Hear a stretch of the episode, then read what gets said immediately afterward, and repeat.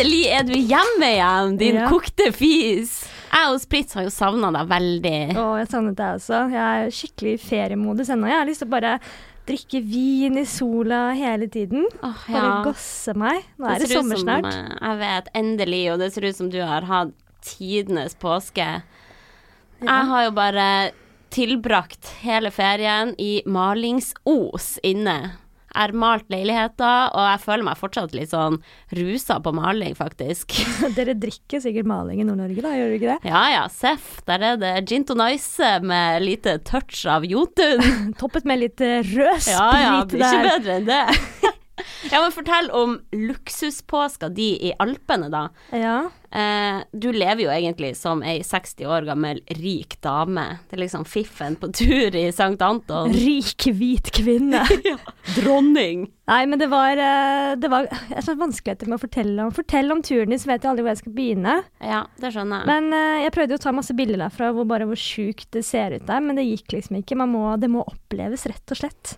Jeg får helt sånn derre spesiell lykkefølelse av å være i fjellene og i sånn natur.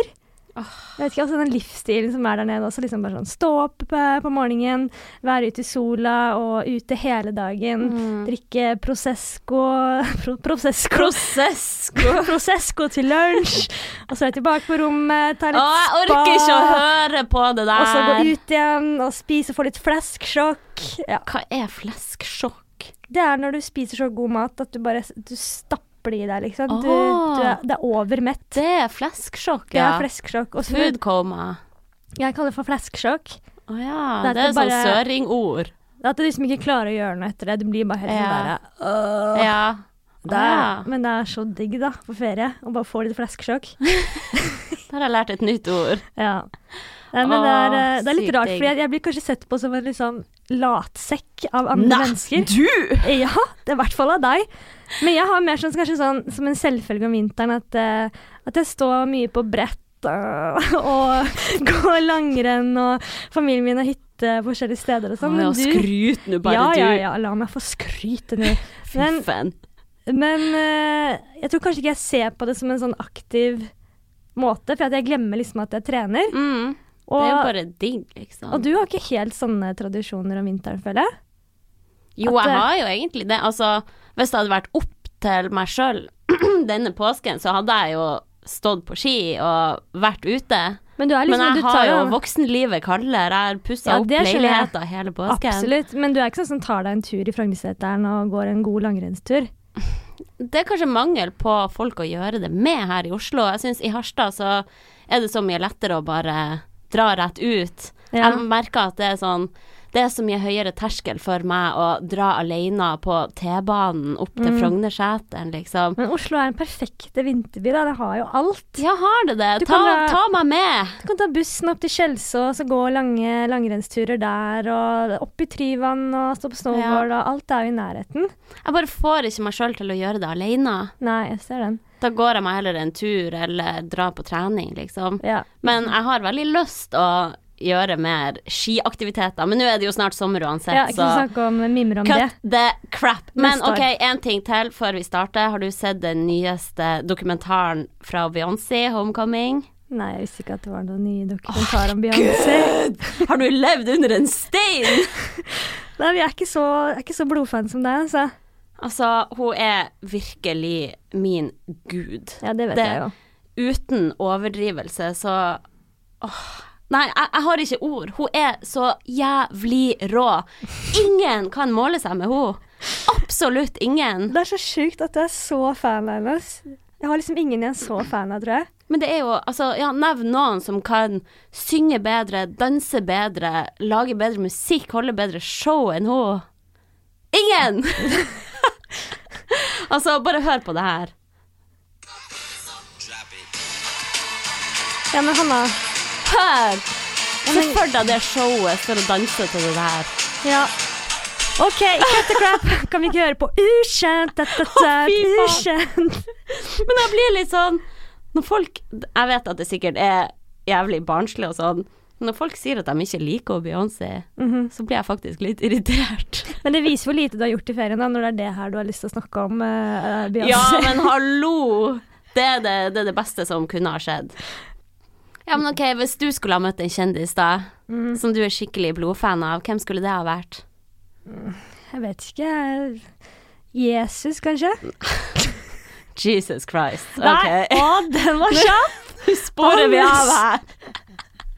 Ok, ja, men nå sporer vi jo helt av her, for i dag tenkte vi å snakke om jobbene våre. Uh, for Ja. vi har fått ganske mange spørsmål om hva som må til for å jobbe med det vi driver med i dag. Mhm. Og det har jo kosta blod, smerte og tårer, skal jeg love deg.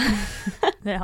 Men for ordens skyld så kan vi jo begynne med å gi ei lita oppsummering av hva vi egentlig jobber med. ja Norris, vær så god. hva er det vi egentlig driver med? Det er et godt spørsmål, da, så jeg får litt sånn noia når folk spør om det, fordi jeg er jo en litt sånn potet. Ja, du gjør jo alt mulig. Så det er sånn vanskelig, jeg vet ikke hva jeg skal velge når folk ja, spør.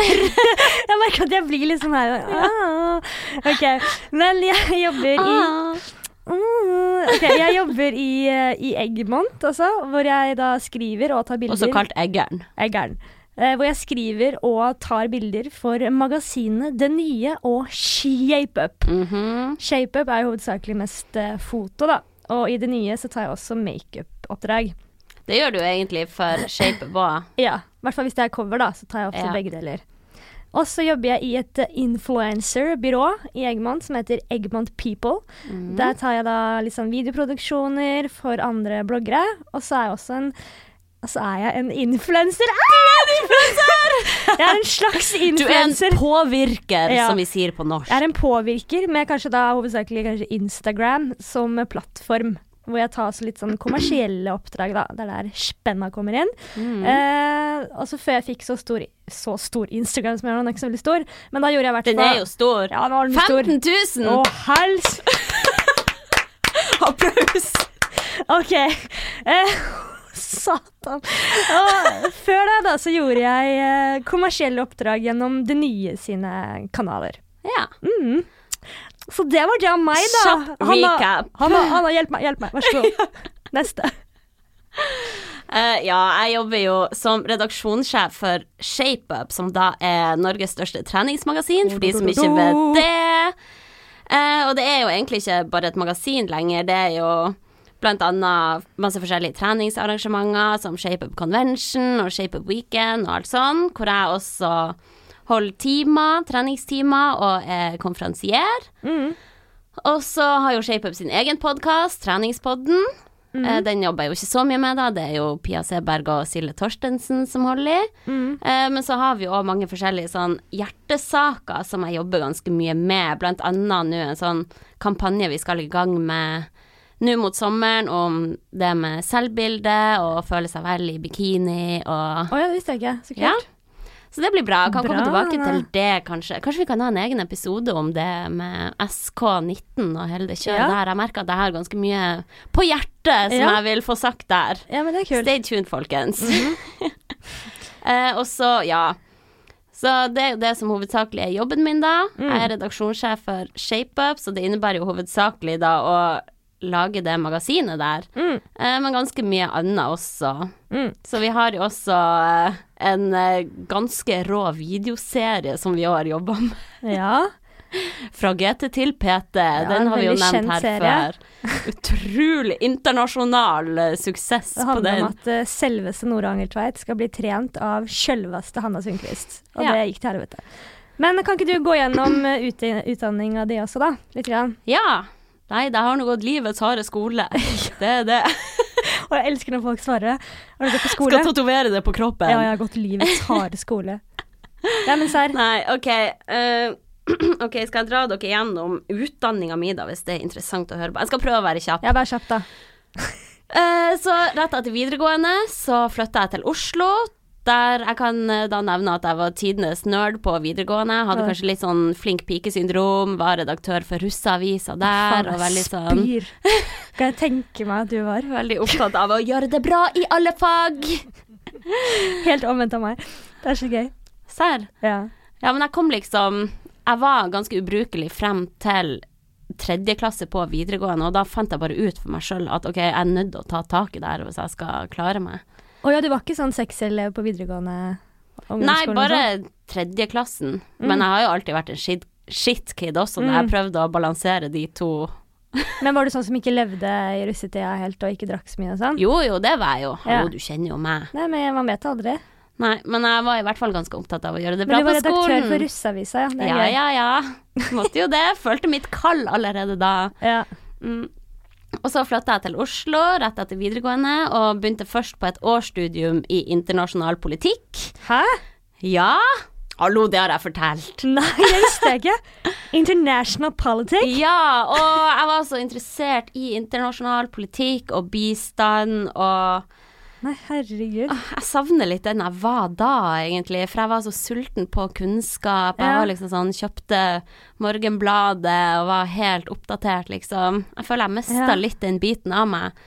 Ja, det er litt rart, for sånn tenker jeg også. Jeg var veldig flink på det alltid lese Aftenposten og abonnere på Innsikt og magasinene. Ja.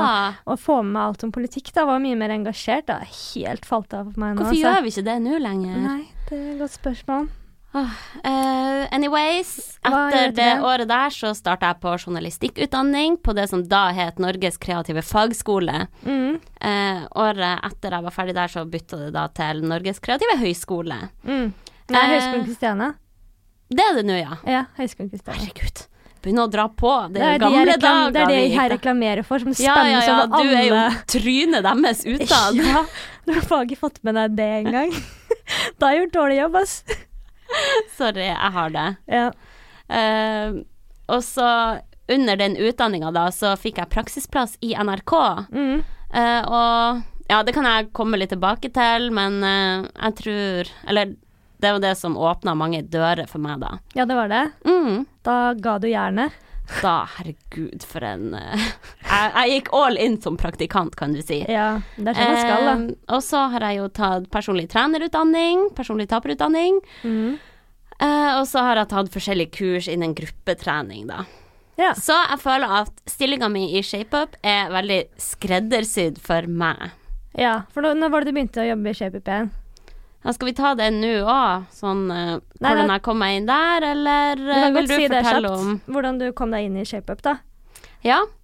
Uh, det starta jo med at jeg fikk praksisplass da i NRK Puls, og jeg var en skikkelig ivrig praktikant som bare gjorde alt for at de der skulle like meg. Mm. Uh, og så, ja, jeg kan jo òg nevne at jeg har hatt mange sånne jobber i Harstad-tidene også. Yeah. Lokalaviser der. ja. Så hadde du en bra CV, da, for å søke seg inn i, i ShapeUp. Ja, eller jeg søkte meg jo ikke inn da, det kommer jeg tilbake til, men Mhm. eh, da, svar på spørsmålet. Hvordan kom du inn i ShapeUp? jeg må liksom begynne Ja, her det- for, å, for at folk skal skjønne min reise. Jeg skjønner, jeg skal la deg snakke. Eh, så jeg har jo jobba en del for lokalavisa da, og Mm. skrevet om alt fra drag race til jordbæråkre til ja, alt mulig. Mm. Herregud, jeg har skrevet om så mye rart. Jeg føler at jeg har et sånn jobbintervju med deg nå. Ja, vel? Mm. Noe mer? Ja vel. Har du noe mer på CV-en du kan Jeg har gjort det og det og det. Ja, men det er bra. Um, og da jeg var ferdig som praktikant i NRK Puls, Mhm. så sendte jeg mail til eh, det som heter klikk.no, som er et nettsted i Egmont. Ja. For ei jeg studerte med, hun eh, leverte saka di, så tenkte jeg oi, kanskje jeg òg kan tjene meg litt penger på sida der. Kanskje det kan Mhm. åpne noen dører. Eh, og da fikk jeg go der. Da starta jeg mitt eget enkeltmannsforetak og begynte å levere masse saker til klikk.no. Mm. Skrev også om alt fra tåfis til sko til konfirmantdresser til brødkniver til Jeg har skrevet om så sykt mye rart. Det er så rart å tenke på at du har skrevet om noe annet enn trening. Hva kan kan du noe annet enn trening? Men jeg har liksom hele tida hatt i bakhodet sånn Åh, jeg har egentlig lyst å skrive om trening, men Ja. man må jo bare starte en plass. Men var det det du tenkte når du studerte journalistikk, at du var hovedsakelig ville skrive om trening? ja. Ja, det var det, ja. Ja, ja, ja. Jeg har Helt siden videregående har jeg bare drømt om å jobbe i ShapeUp. Har du det? Ja, jeg har Åh. sett så opp til redaksjon og Ja. Altså, og Pia Seberg, hun som vi jobber med nå, jeg Ja. var så starstruck første gang jeg møtte henne, og jeg har Å, jo bare. Helt siden videregående har jeg jo bare spamma ned redaksjonen. Ja. Eh, Herregud, du har jo drøm... Altså, det er jo en skreddersydd jobb til deg, være redaksjonssjef for ShapeUp. Ja, jeg vet. Og så sitter du der og bare tar det for gitt. Nei da. Ja, man gjør jo det til tider. Neida. Men uh, veien min dit, da uh, Jeg jobba jo dag og natt uh, for å bare produsere masse saker fra enkeltmannsforetaket mitt. Mm. Oppsøkte alt av eh, magasiner og nettsted og bla, bla, bla. Mm. Fikk sakene mine litt inn på det nye, og på det nye.no som var da, Mm. og litt på trykk i det nye og sånn, og bare det var jo skikkelig stort. Mm. Skrev for Kvinneguiden, for det var og en ganske stor nettside som Eggmont hadde da. Ja. Eh, begynte Jeg har jo hele tida bare pressa meg på eh, redaksjonen i ShapeUp, for det har hele tida vært en sånn underliggende drøm for meg Mm. å bare kunne ha en fot innafor ShapeUp. Mm. Om så bare være praktikant der, eller hva som helst. Mm. Eh, så da jeg begynte i Eggmont, eller begynte å levere saker til Egmont side så ble jeg anbefalt innad i Eggmont da, da ShapeUp trengte frilansjournalist. Eh, så da fikk jeg begynne å skrive litt for dem. Eh, og herregud, følelsen av å ha min første sak på trykk i ShapeUp, det var sånn helt sinnssykt. Det kan jeg tenke meg. Jeg begynte å grine da jeg så det, liksom Nei. drømt om det helt siden jeg var 16 år, og så plutselig ser jeg min byline på trykk i ShapeUp. Det var Ja, sånn Det var så stort. Ja, det kan jeg tenke meg. Og jeg jobba masse gratis, da. Mm. Kjøpte lunsj til alle på sett fra egen lomme, og var veldig der, da. Mm. Eh, så for eh, i mars for to år siden så åpna det seg ei stilling som redaksjonssjef i ShapeUp, og da ble jeg spurt. Ja, det ble spurt, da. Ja. Eh, så da Herregud, jeg fikk jo helt sjokk. Jeg ble husker ikke sykt glad? Jo, jeg, men jeg, det gikk ikke helt opp for meg med en gang. Nei. Men jeg bare la meg ned, sånn rett ned på stuegulvet hjemme, Ja. bare rett på plankene her, så lå jeg der og flirte. Gjorde du det? Det er sjukt, altså. Den følelsen der. Du begynte bare å le? sinnssykt. Ja. Da tenkte jeg sånn jeg, jeg klarte det. Ja, Det jeg har far. drømt om. Hvor gammel var du når du fikk den jobben, da? Jeg begynte som redaksjonssjef da jeg var 24. Tenk på det. Mm. Og hun andre som var redaksjonssjef før deg, hvor gammel tror du hun var da?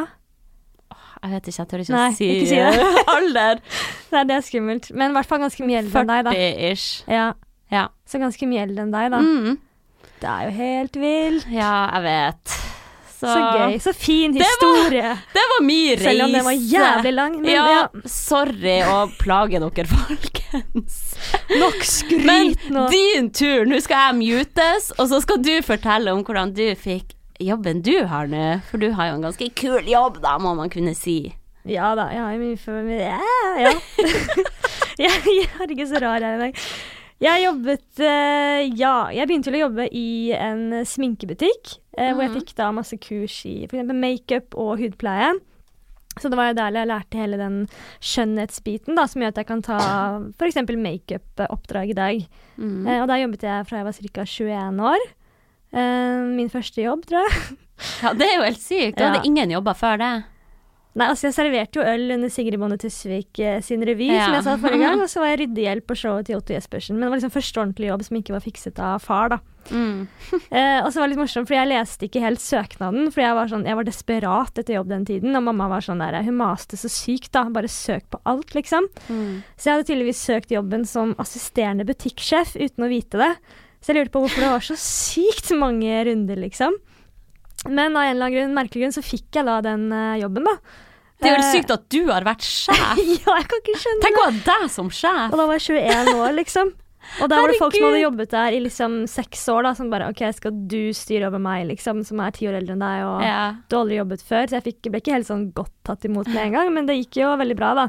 Og lærte jo veldig kjapt liksom hvordan det er å være i arbeidslivet. Mm. Ja, da hadde jeg jo masse ansvar der, og det var egentlig full fokus, selv om jeg hadde akkurat blitt ferdig med et fotostudie. Så jeg burde jo Mm. egentlig bare hoppet rett inn i det, sikkert. Men jeg begynte i hvert fall da 100% stilling i da, en butikk, da.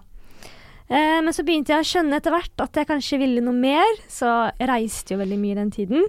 Eh, dro til Barcelona, som man har hørt om. Jeg var kanskje litt sånn No shit. forvirret, da, for jeg syntes det var veldig gøy å drive med sminke og sånne ting også, men jeg følte at det var liksom noe mer jeg skulle gjøre da. Så jeg startet en eh, blogg med en venninne, som mm. faktisk ble ganske poppis en liten stund. Vi hadde sånn et slags oppgjør mot bloggere, Mm. ironisk nok. Oppgjør mot den jeg er i dag. Og et av de første innleggene vi hadde, var om gutters eh, vrangforestillinger av jenter. Mm. Og det var et innlegg ja, som fikk da over 500 000 lesere på dagen. Det er jo helt sykt. Så da skjedde det jo litt der at vi ble plukket opp av et, eh, en, nett, en kleskjede som heter uh, Junkyard. Mm. Um, som begynte, vi begynte da å ta bilder og skrive fast for de, da. Så da jobbet jeg dagtid på, på parfymeriet, og så kveldstid med den andre jobben, da. Og så jeg sa jo bare ja til alle jobber jeg kunne få, egentlig. Jeg jobbet jo veldig mye gratis eh, på kvelden, for jeg skjønte at jeg måtte inn i en litt sånn annen verden også, da. Og da fikk jeg øynene opp for at det var gøy å være kreativ. Være kreativ.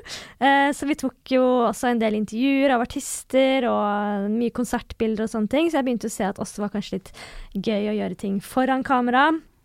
Det er det du er skapt for, Norris. Nei, jeg er skapt for begge deler. Ja, Både være litt bak og mest foran. foran. Men i hvert fall da også så fikk jeg i den samme perioden så fikk jeg altså interesse for å teste ut standup. Mm. Eh, kanskje litt med litt inspirasjon fra min far, som er standup-komiker. Og da merket jeg jo at jeg kanskje også har en slags sans for humor, da. Ja, Eh, du oppdaga hvor kokt i hodet du egentlig er. ja, litt. Så da skjønte jeg at jeg også har lyst til å drive med noe innen det. Ja.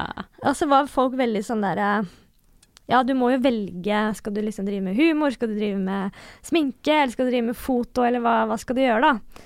Men så kom jo Så jeg var veldig forvirret den tiden. Men så kom Mm. jo da eh, The Søknad, som jeg kaller den, eh, som lå på Facebook. Og det er den jobben jeg har i dag. Og da sto det ehm, Det nye søker en jente med masse erfaring med makeup og hudpleie. Hun skal trives foran kamera, men skal også ha kunnskap bak kamera. Men viktigst av alt, hun skal ha en god dose humor og selvironi. Åh, jeg får så gåsehud! Det er så skreddersydd Ja, for jeg, deg. jeg følte at den Det var som en to be. den søknaden var jo liksom skapt for meg, da, følte jeg. Mm. Jeg skulle aldri trodd det skulle fantes en jobb som kunne oppfylle på en måte alle de tingene, alle de drømmene på én gang, da. Så jeg har jo hatt litt flaks, for jeg har jo søkt eh, ja, to jobber i mitt liv og fikk eh, begge to. Eh, men jeg brukte jo da en hel Mm. uke på den søknaden. Jeg fikk liksom fem personer til å se på den, og alle var sånn Ikke stress så mye, dette er jo en søknad som er etter deg. Men jeg var jo så sykt nervøs. Den tiden var jeg supernervøs på jobbintervjuet. Og dama spurte jo liksom Ja, kan du videoredigering? Jeg bare sånn Ja ja, seff, det er ikke noe problem, liksom. Ja, men fint, da kan du jo levere en video om deg selv eh, til i morgen. Mm. Jeg hadde ingen erfaring med videoredigering, så jeg satt oppe en hel natt og bare YouTuba sånn Hvordan lage video? Jeg hadde aldri filmet meg selv. Og da satt jeg da og snakket til et kamera, ingen erfaring, og klippet sammen en film, da. Men jeg tror sånn helt seriøst at etter så mye erfaring jeg har hatt nå, Mm. eh, så er fortsatt den filmen den morsomste og beste filmen jeg ja, noen gang har laget. Ja, den er så artig. Det er så sjukt. Men Ligger den ute fortsatt? Går det an å finne den? Eh, kanskje. Å, kanskje du poster den på nytt i anledning denne episoden? Ja, kanskje. Nå hyper jeg den veldig opp, da, men jeg fall Men den er jo så artig. Jeg husker jeg så den, og det var før jeg kjente deg. Så tenkte Ja. jeg sånn Shit, hvem er jo her? Jeg tror aldri jeg Her har vært så morsom etter det. der. særegent. Det viser jo når man først gir jernet, da, hvor mye, man Mm. kan, hvor mye man kan levere, da. Ja. Det er jo helt sjukt. Nå er det jo sånn, tar man det litt for gitt og sånn, men da virkelig sånn, da kunne jeg ingenting, og det er litt trist at ikke jeg klarer å lage noe så bra igjen. Men Du under gjør press, jo det, da. Du har Ja. bare høyere forventninger til deg sjøl nå. Ja. Jeg husker jo da jeg fikk svaret på den uh, jobben, så ringte jeg pappa, og han begynte litt å grine. Til og med typen min, som aldri griner, ble liksom sånn rørt. Han måtte måtte gå ut og feire, liksom. Men det var liksom, jeg var 26 år gammel, jeg bodde hjemme hos mamma. Mm. Jeg hadde jobbet i alle år, alle helligdager. Eh, jobbet gratis i så mange år, da. Og plutselig fikk jeg liksom fast jobb i Norges største mediehus. Det var sikkert sånn samme Ja. følelse som du fikk, da. Bare sånn Hæ? Det er jo helt Da er det lov er så stort. Det er lov å felle en liten tåre da, syns jeg. Ja, veldig. Hadde gjort sånne ting i så mange år men liksom uten mål og mening, og så plutselig så skjønte man at alt ledet til Ja, den jobben jeg har i dag, da. følelsen der, og den følelsen av at eh, all dritjobbinga har vært verdt det. Mm, Det lønner seg alltid å jobbe hardt mot et mål. Ja. Du vil aldri tape på det. Nei. Og så er det sånn når man først kommer seg inn i et mediehus, så er det sånn som du sier, og man må bare gi jernet, da. Det er veldig Mm. viktig, spesielt i starten. For da, da skulle jeg liksom egentlig lage sminkefilmer som var morsomme, som jeg skulle redigere selv. Ehm, men så var jeg på en måte jeg skulle bli en slags beauty-blogger, da. Men det er jo ikke egentlig der jeg er nå. Nå gjør jeg jo noe helt annet.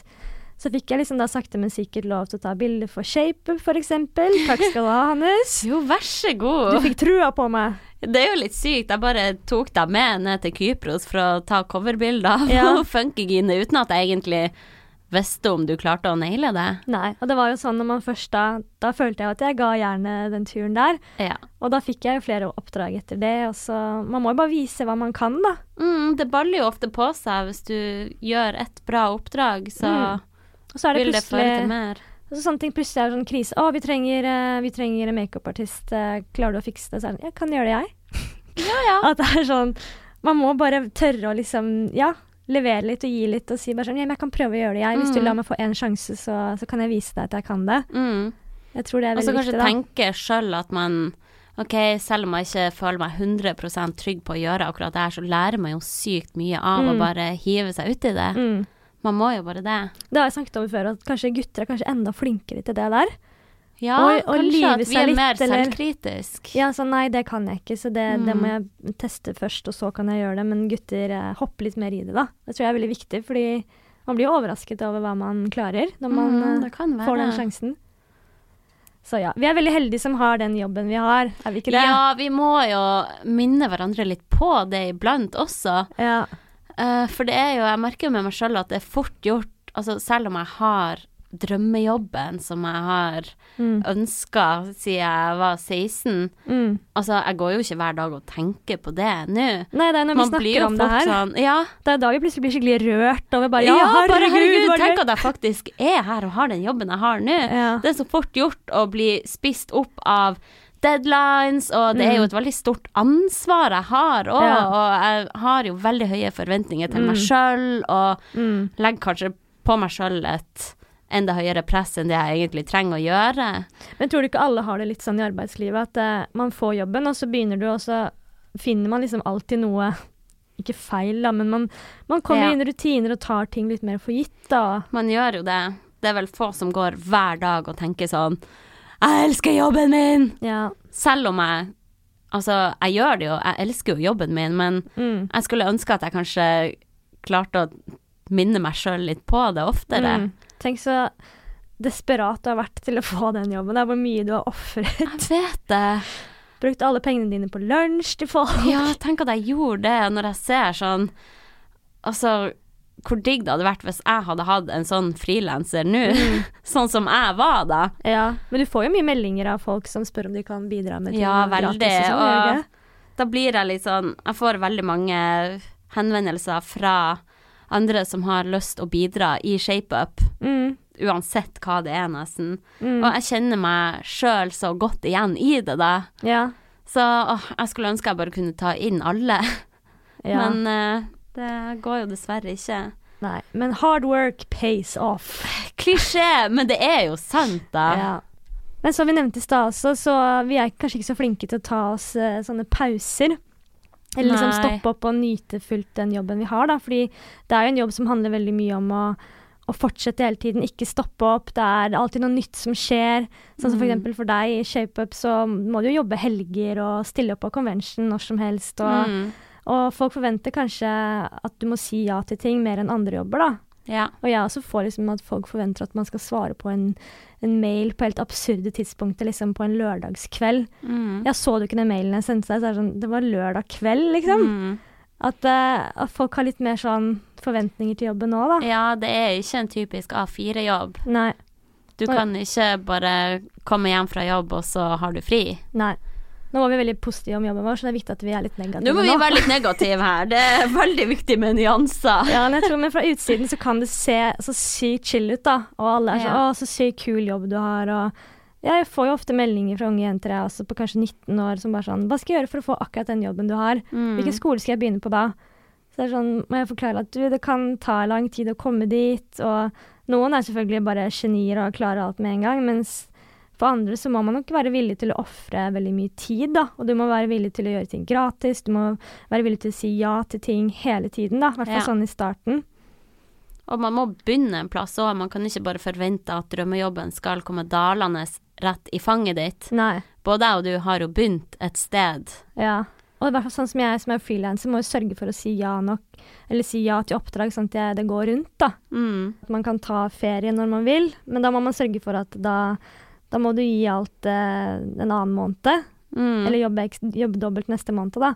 Og så må man jo godta at det er ikke så mye rutiner i livet. Og du har ikke noen sikker sum i løpet av året som, som da kanskje Nei. noen kan synes var slitsomt. da. Jeg husker jo at eh, mamma og pappa begge to var frilansere. Mamma er danser og pappa er komiker. Og da tenkte jeg liksom at jeg skal aldri bli frilanser. Du. frilanser skal aldri bli frilanser. Eh, Jeg skal ha en jobb hvor jeg jobber fra åtte til fire, og så skal jeg hjem, og så skal jeg gjøre hva faen jeg vil, og ikke sitte oppe på natta og rive seg i håret fordi det ikke kom noen penger inn på konto den måneden og sånne ting. Jeg skal være hjemme Mm. klokka fire, og da skal jeg ikke tenke mer på jobb, da. Ja. ja, for det syns jeg òg virker veldig deilig noen gang. Å bare ha en jobb som du møter opp på, Mm. utføre et arbeid, og går hjem og slipper å tenke på jobben. Mm. Det er jo sånn bare telefonen er tilgjengelig, så er jobben der. Ja. Så det gjelder jo å klare å ha litt disiplin sjøl, da, for å skape de rutinene man kanskje kan ønske seg. Mm. Eh, men jeg må jo innrømme at jeg noen gang har uh, sittet inne på kontoret i Nydalen og sett ut på han polakken som står og legger fliser ute i sola, ja. og tenkt sånn å herregud, jeg skulle ønske jeg var han. ja vi snakket litt om deilig bare Han kan være ute i sola, fysisk aktivitet, og bare gjøre et litt sånn et arbeid som ikke krever så mye mentalt fokus, da. Ja. Altså, min drømmejobb er jo egentlig å sitte på en plantraktor og klippe gress og høre på radio. Det virker jo helt sykt deilig. Jeg tror de venninnene mine som du sa det til, fikk litt sjokk. Vi var i bursdag, og da sa du sånn Fy faen, det, det jeg har lyst til, er å bare klippe gresset, liksom. Åh. Gjør Jeg sånn, hadde hatt så så ro i sjela hvis jeg hadde gjort det. Men ikke misforstå meg, jeg liker jo jobben min, jeg ville jo ikke ha bytta den bort. Nei. Men noen gang så hadde det vært digg med en type jobb som man slapp å bruke hodet på så mye. Ja, helt enig. Bare kunne koble helt av. For det er veldig vanskelig å, å koble av da, med en eh, slik jobb som vi har. Mm.